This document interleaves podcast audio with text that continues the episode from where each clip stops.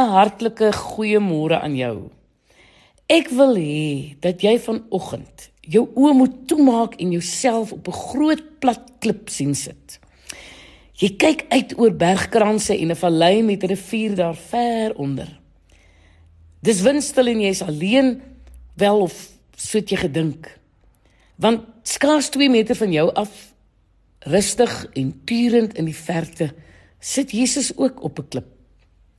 Ek wil hê dat jy nou in jou geestesoog sien hoe julle twee 'n ruk lank in stilte saam sit en hoe jy met hom begin praat.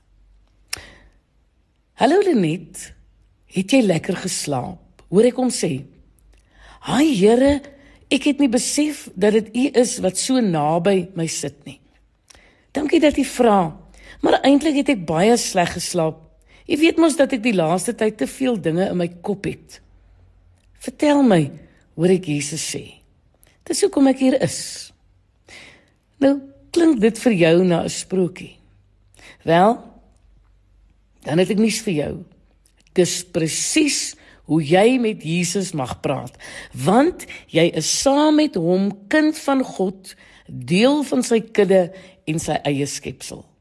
En lank voordat jou gedagtes by jou opkom, kon hy hulle lees. Hy ken jou hart, man. Hy ken jou omstandighede en elkeen van jou bekommernisse. Maar hy wil hê dat jy hulle moet formuleer en met hom moet deel sodat jy van jou kant af in totale kwesbaarheid jou hart vir hom kan oopstel en met hom kan praat.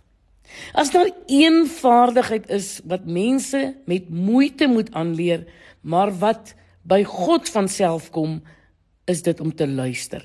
Want hy stel regtig belang en het oral en altyd tyd vir jou.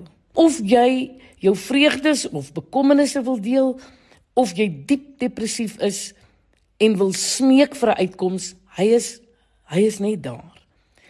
Nou ek wil die woorde gebed en gesprek sommer net vanoggend bietjie met mekaar uitruil want soms is my gebede net 'n lekker kuiergesprek met God en dan lag en dan huil ons saam.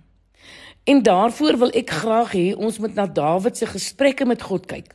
Kyk, gesprekke met God was vir Dawid deel van sy daaglikse bestaan.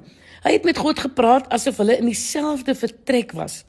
Of Dawid in nood was of hy depressief was en of hy diep bepyns het oor die lewe, Dawid het altyd sy diepste gedagtes voor God uitgestort. Gaan lees gerus die psalms vir honderde voorbeelde hiervan. Kom ons kyk 'n bietjie na Psalm 103. Loof die Here o my siel en alles wat binne in my is sy heilige naam. Loof die Here o my siel en vergeet geen een van sy weldade nie.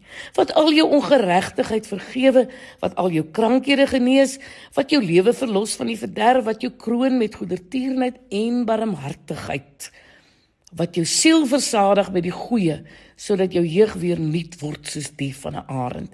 Hier hier praat Dawid met God in 'n prysgebed. Kom ons kyk na Psalm 142 waar hy God nader in 'n smeekgebed. Hierdie is geskryf deur Dawid na sy verblyf in die spelonk toe hy vir Saul gevlug en vir sy lewe gevrees het.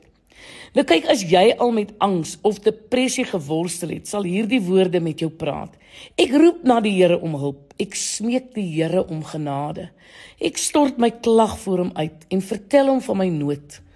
Ek het alle moed verloor. U weet wat ek moes deurmaak.